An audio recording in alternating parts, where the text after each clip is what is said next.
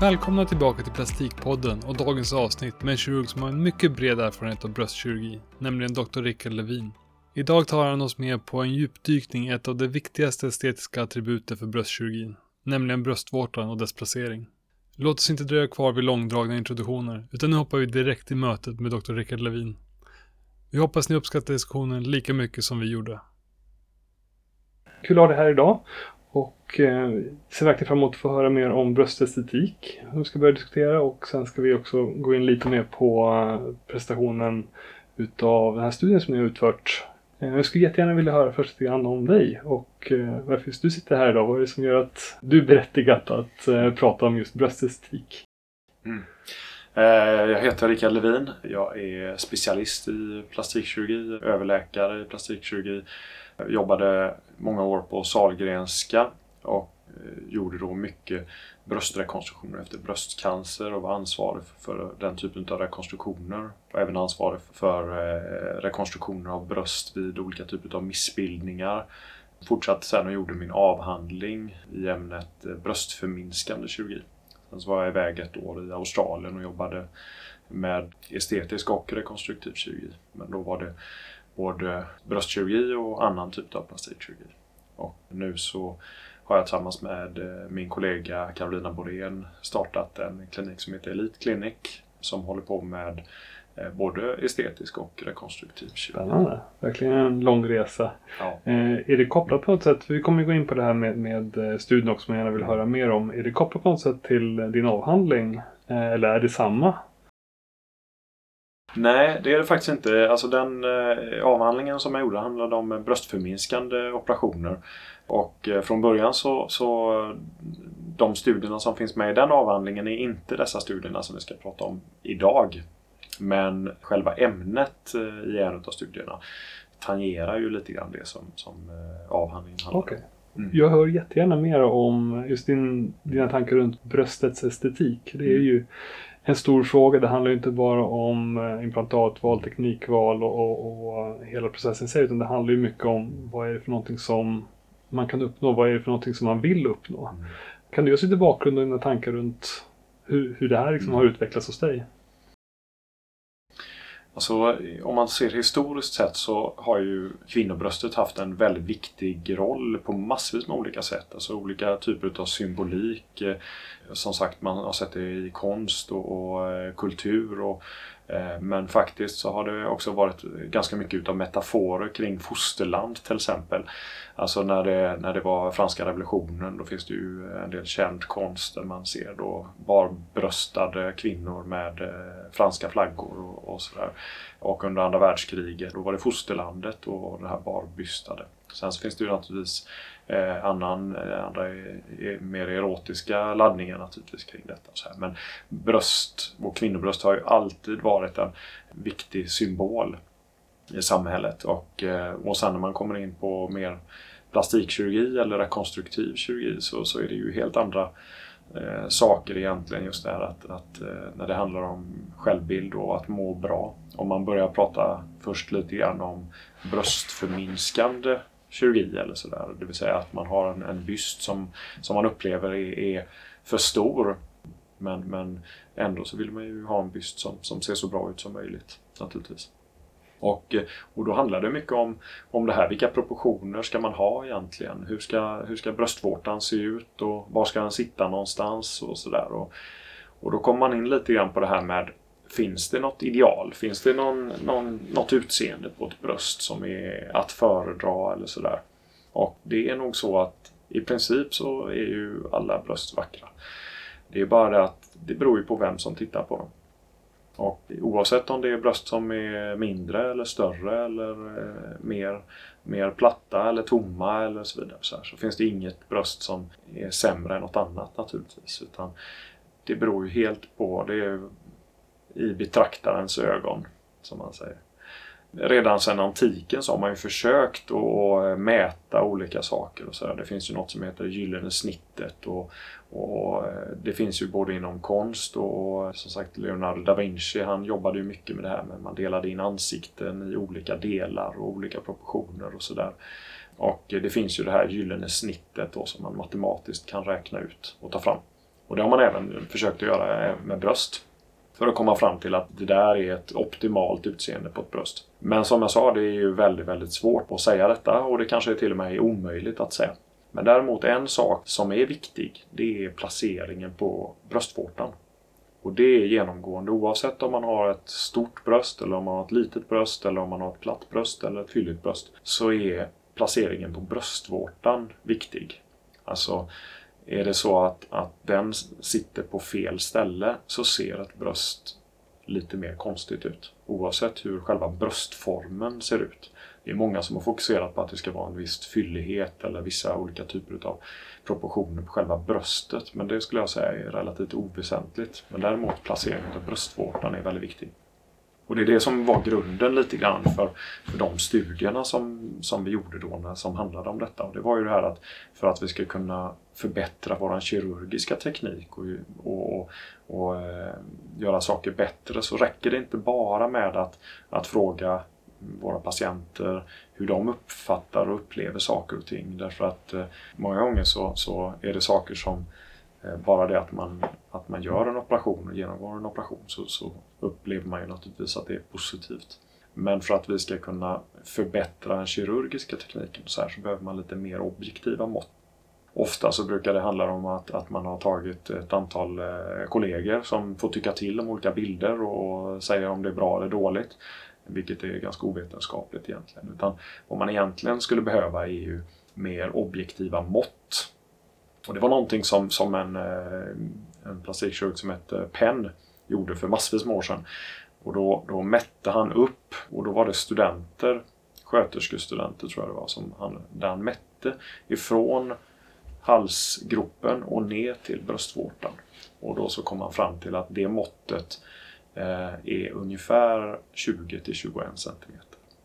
Och det är ett väldigt viktigt mått egentligen därför att det är det måttet som, som vi fortfarande än idag använder när vi, när vi försöker eh, rekonstruera bröst och även när man gör bröstförminskande operationer och, och på andra sätt eh, tänker kring hur, hur bröstet ska se ut och så där så använder man ofta det måttet. Så att från halsgropen ner till bröstvårtan till den andra bröstvårtan och upp tillbaka till halsgropen så, brukar man standardmässigt säga att man helst vill att det ska vara en liksidig triangel då, med sidorna 20-21 centimeter. Sen när man tittar på den studien så ser man i och för sig att det var ett väldigt begränsat antal sköterskestudenter som han faktiskt eh, använde sig av i studien. Och, och, det var ju inte mer än kanske 20-30 stycken. Någonting sånt där. Så att man kan ju även ifrågasätta vilken validitet, alltså vilken, vilken säkerhet den här studien hade. Men, men det är fortfarande som sagt, den studien ligger till grund för ganska mycket. Men, men då kommer vi återigen in på det här då att, att eh, det är viktigt att vi eh, kan försöka att, att göra någon typ av objektiv mätning för att kunna planera kirurgin så bra som möjligt för att, för att brösten ska bli så fina som möjligt. Det vill säga att vårtgården ska hamna på ett så bra ställe som möjligt. Och eh, eftersom det inte fanns någon sån här mall egentligen så ville vi se Eh, bland allmänheten. Finns det, finns det verkligen eh, någonting som är bättre än det andra? Det finns en annan studie som, som gjordes för ett antal år sedan av en brittisk plastikkirurg som heter Malucci. Som, där han tittade på eh, det finns ju en eh, tabloidtidning i England som heter The Sun. Och de hade ett mittuppslag, tror jag det var, eller något uppslag med barbystade kvinnor. Jag vet inte om de fortfarande har det, men de hade det då. Och då så mätte man de här bilderna och så kom man fram till att det skulle vara ett visst mått på brösten och så vidare. Och, och de slog fast att bröstvårtan ska peka lite uppåt och sådär.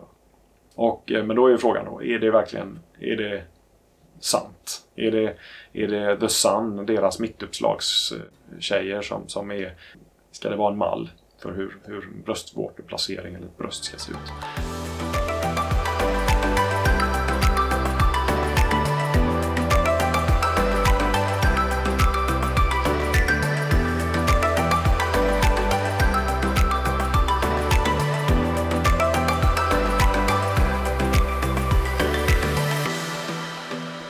Var lite tveksamma kring det. Även om den studien också har fått ganska stort eh, genomslag. Fast med ganska mycket kritik också naturligtvis. Och då så tänkte vi just det här att ja, men, vi kanske inte ska använda oss utav bilder på riktiga kvinnor utan vi kanske ska använda oss utav illustrerade bilder på, på en byst. Och det gjorde vi, tog fram en, en tecknad bild Och på den här tecknade bilden då så eh, justerade vi helt enkelt placeringen på bröstvårtorna i X och Y-led, det vill säga uppåt och neråt och respektive eh, mer utåt sidorna och mer utåt, eller inåt mitten. Och så fick vi då 12 stycken olika versioner utav den här bilden. Och då hade vi det klart i alla fall att, att det enda som skilde på de här bilderna det var placering av bröstvårtorna och det gjorde ju att vi hade isolerat just den detaljen så att man inte eh, förleds av att bröstet ser annorlunda ut eller att formen ser annorlunda ut eller storleken ser annorlunda ut utan att det, det är bara bröstvårtorna som skiljer sig. Och sen var frågan då, eh, skulle vi presentera detta för andra kollegor eller vilka ska vi prestera detta för? Och då kom fram till att nej, det är inte det som är det mest intressanta utan det mest intressanta egentligen det är ju att se hur befolkningen i Sverige ser på detta egentligen. Och, eh, och då gjorde vi så att vi, vi eh, tog kontakt med eh, SPAR-registret, alltså det är ju ett, ett eh, nationellt register där man kan få information. Och då lät vi dem plocka ut tusen kvinnor i Sverige från norr till söder och tusen män från norr till söder i hela landet. Och åldersfördelningen var då mellan 16 och 75 år i detta också jämnt fördelat.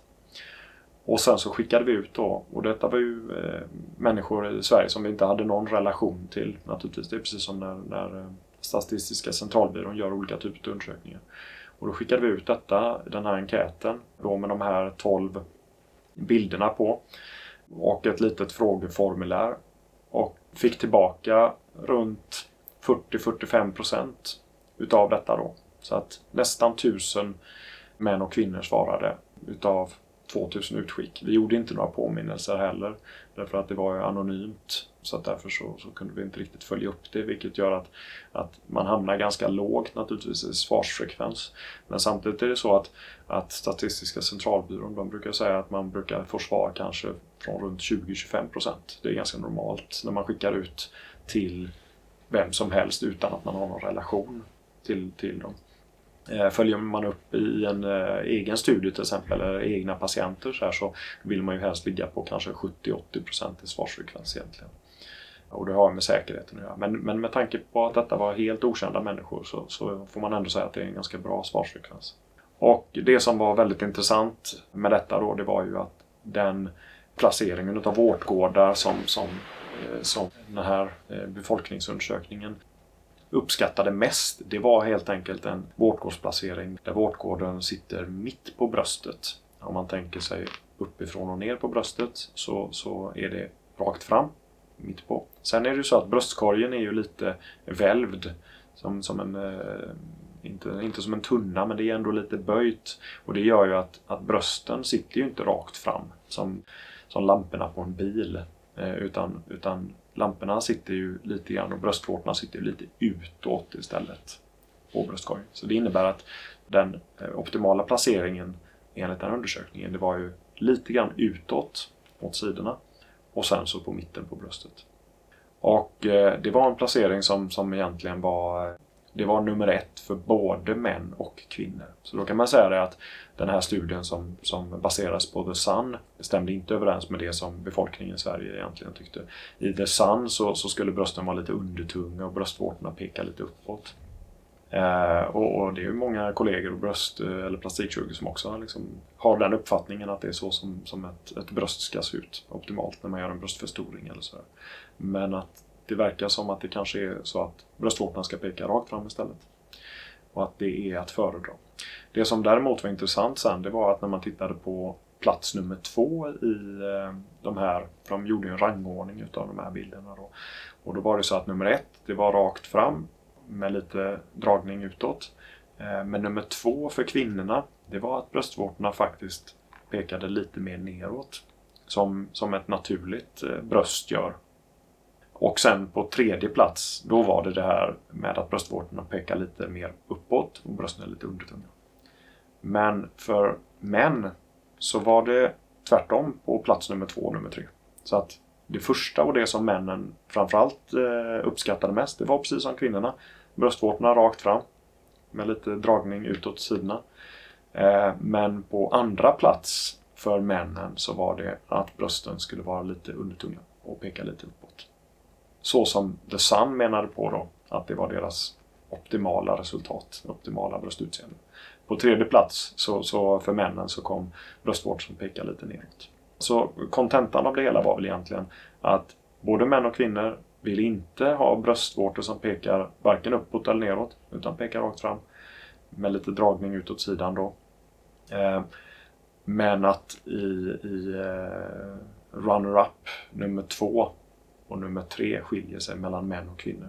Där kvinnor kanske hellre vill ha ett utseende av ett lite mer naturligt bröst. Och män, de, de eh, föredrog ett utseende där bröstvårtorna pekade lite mer uppåt. Men ändå som nummer två och nummer tre. Nummer ett, det var samma för män och kvinnor. Med stor majoritet. Och då hade vi plötsligt ett, ett eh, dels så var det väldigt intressant och, och, eh, och se att det skilde sig från det som, som man tidigare har sett, den plastikkirurgiska forskningen, som då också har varit lite dålig kvalitet på. Sen så var det väldigt intressant att se att det faktiskt eh, skilde sig eh, mellan, mellan könen lite grann. Det följde också upp när det gällde ålder. Och där såg man att oavsett ålder så svarade kvinnor samma sak. Och när man såg på eh, män, om man tittade på yngre män, så hade de faktiskt samma resultat som kvinnorna. Medan eh, de männen som var eh, äldre, och med äldre menar jag egentligen över 35 år, så var det framförallt de då som, som hellre ville ha ett utseende av att bröstvårtan pekar lite mer uppåt. Och nu hade vi fått en, en lite grann av en, eh, ja, ett, ett, eh, ett mått liksom på vad vi ska försöka sikta efter när vi gör eh, bröstkirurgi och rekonstruktiv kirurgi och så vidare. Och eh, då kunde vi gå vidare då till våra bröstreduktioner, alltså våra bröstförminskande operationer för att se hur, hur blir resultatet egentligen utav dem. För att där har vi ju en viss teknik och vissa resultat och då var ju frågan så här motsvarar de resultaten som vi har det här Golden Standard som vi nu hade fått. Och då tog vi eh, 300 bröst ungefär som hade 300 kvinnor vars bröst då hade genomgått bröstförminskande operationer. Och så mätte vi de brösten med hjälp av en dator. Tittade på bilderna.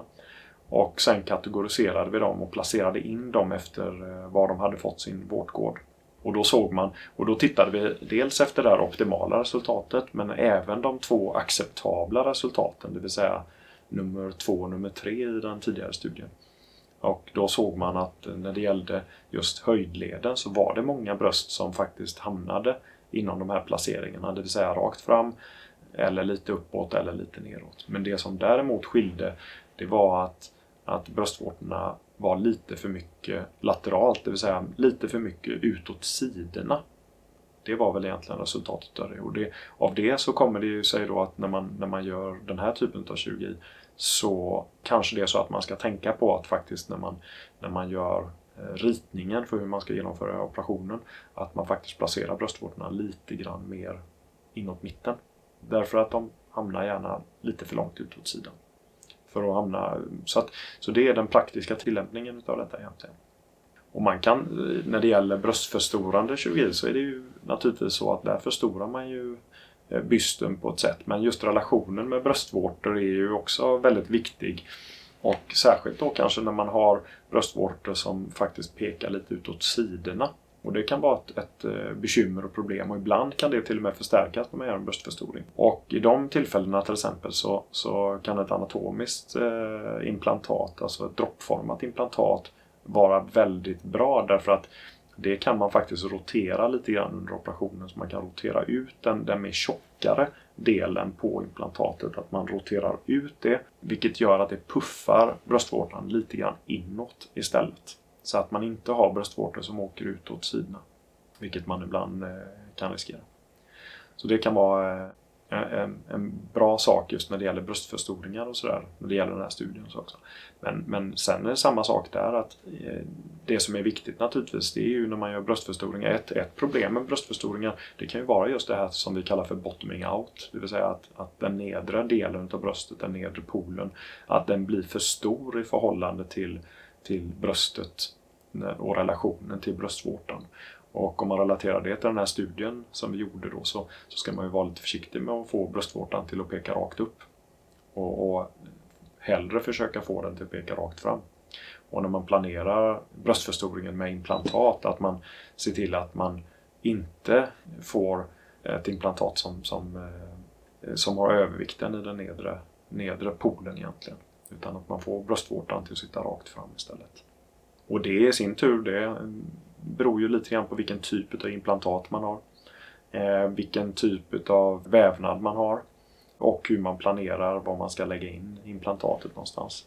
Om man lägger in implantatet ifrån bröstvecket, vilket är väldigt bra därför att har man otur att få ett, ett ärr som ändå syns lite grann så är det ett ställe där man faktiskt kan dölja ärret väldigt väl. Det syns inte när man är naken och ser sig själv i spegeln. Har man bh eller bikini på sig så ser man inte heller någonting utav det där ärret. Eh, så det är ett väldigt bra ställe att ha ärret på. Men det som är viktigt då naturligtvis det är ju att man säkrar upp den, den naturliga, de naturliga ligamenten. Alltså ligament är ju fasta stråk och förbindelser som går från huden och ner till, till muskulaturen i bröstvecket. Och om man skär av dem så är det risk att bröstet faller ner eller att det inte behåller sin, sin bästa form. Och därför när man gör eh, eh, en bröstförstoring med implantat så är det ju väldigt viktigt att man ser till att återställa de där ligamenten om man kan eller om man inte använder sig av samma ligament åtminstone förankrar eh, ärret och där man tänker sig att bröstvecket ska vara. Att man förankrar det eh, nedåt så att det sitter ordentligt där. Så att man inte får det här bottoming out eller att bröstet halkar ner vilket också ibland kan leda till att man får en, en dubbelbubbla eller att man får ett utseende i nedre delen av bröstet som, där det ser ut som två bröst. Där man har det gamla bröstvecket kvar. Vore kul om vi kunde titta lite mer på just um, hur ni har anpassat era operationer mm. efter den här studien. Att ni flyttar lite närmare in för att mm. det ska bli mer korrekt. Mm. Har ni sett någon skillnad sedan de här diskussionerna satte igång på hur mm. operationer utförs? Ja, frågan är ju, har detta haft något genomslag då i plastikvärlden eller vad man ska säga efter den här studien. Och det är naturligtvis väldigt svårt att svara på därför att uppföljande studier på detta eh, har jag inte riktigt sett. Men det som ändå indikerar på att det är ett, ett väldigt aktuellt ämne, eller alltid aktuellt, det är att, att eh, under eh, ja, i våras var det väl egentligen så fick jag ett mail ifrån eh, en av de här tidskrifterna då Aesthetic Plastic Surgery och där de, där de skrev vi skulle gärna vilja göra ett jubileumsnummer. Vår tidskrift fyller 50 år. Och då har vi samlat ihop de mest citerade och mest lästa artiklarna. Och då, eh, mycket, mycket roligt eh, att eh, detta var en av de mest lästa artiklarna i tidningens historia. Och jag trodde i och för sig inte på att det var sant så jag var tvungen att skriva tillbaka till chefredaktören på den här tidskriften och, och höra om det verkligen var sant eller om det var någon typ av fake news eller någon, ja, något, någon som försökte lura mig på pengar på något sätt. Eller så här. Men nej, det var, det var mycket riktigt. Så att eh, de ville att jag skulle skriva ytterligare en, en kommentar till den här artikeln och eh, sen så publicerades eh, artikeln eh, i deras jubileumsnummer då. Och eh, det var ju väldigt roligt och det indikerar ju ändå på att, att den är eh, väl läst och att det är någonting som ändå intresserat väldigt många plastikkirurger runt om i världen. Eh, en ytterligare studie som, som, som jag har funderat på och som jag tyvärr inte har haft möjlighet att göra ännu det är ju att egentligen följa, följa upp de kvinnor som gör en bröstförstoring med enkäter också för att se hur vill de egentligen ha det? Är det så att de är representativa för den här tidigare studien? Över hur, hur eh, allmänheten eh, vill att bröstvårtans placering ska vara? Eller kan det vara så att de faktiskt har en uppfattning om att de vill ha placering av bröstvårtan annorlunda? Det vet vi inte riktigt än. Och, eh, och även följa upp resultaten efter, efter bröstoperationerna eller bröstförstoringarna för att se hur nöjdheten är med dem och, och jämfört med placeringar och så vidare. Och så, så det är en, en framtida väldigt intressant studie. Spännande. Det blir också på nationell nivå eller kommer det att kopplas till dina egna patienter då? Ja, det, det får nog bli eh, färre kliniker kanske. Ja, det blir väldigt spännande att höra mer och se en publikation i framtiden. Mm. Ja, då ska inte jag eh, ta upp mer av din tid. Tusen tack Rickard för att du tack. kunde avsätta den här tiden och mm. presentera och berätta för oss mer om eh, bröstestetik och även dela med dig av en summering av din studie.